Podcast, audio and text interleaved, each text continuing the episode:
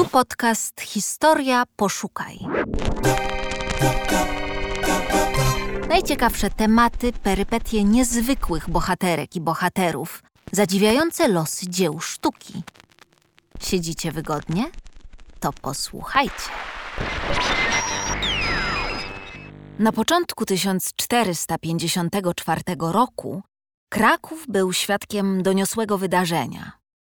Król Kazimierz Jagiellończyk poślubił Elżbietę z domu Habsburg, nazywaną u nas Elżbietą Rakuszanką. Zważywszy na dynastyczne i polityczne skutki, był to jeden z najważniejszych orzenków, nie tylko w dziejach dynastii jagiellońskiej, ale i w całej historii Polski.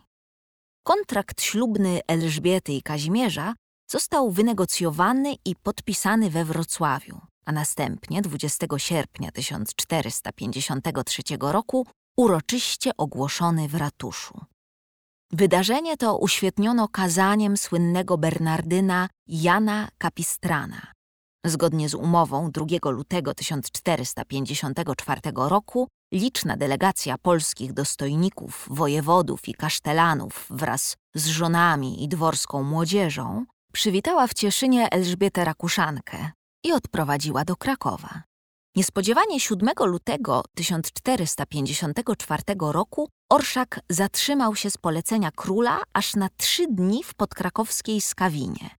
Jan Długosz pisał o konsternacji i obawach wśród otoczenia przyszłej królowej. Według kronikarza monarcha rzekomo chciał skończyć przygotowania do uroczystości. Poszukiwacze historycznych sensacji snują przypuszczenia, że wieści o brzydocie Elżbiety wpędziły Kazimierza w rozterkę. W istocie zachowany portret królowej przedstawia niezbyt atrakcyjną postać. Badania jej szczątków zidentyfikowanych i ekshumowanych w katedrze wawelskiej wykazały dużą wadę zgryzu, zniekształcenie kręgosłupa wywołane gruźlicą kości, zaburzoną proporcję twarzy. Przebieg uroczystości ślubnych zakłóciły jeszcze dwa zdarzenia.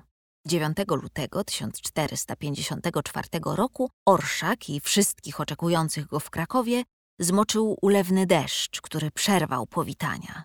Następnego dnia, w niedzielę 10 lutego 54 roku, Kościelna ceremonia w katedrze wawelskiej nie mogła się rozpocząć z powodu sporu między arcybiskupem gnieźnieńskim Janem Sprowskim i biskupem krakowskim, kardynałem Zbigniewem Oleśnickim, o to, kto ma ją poprowadzić.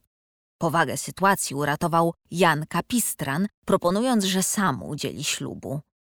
Jednak nie podołał zadaniu, bowiem nie znał niemieckiego i polskiego. Wyręczył go znający oba języki biskup krakowski, a arcybiskup gnieźnieński odprawił uroczystą mszę, niestety z ogromnym pośpiechem, bo zbliżał się wieczór.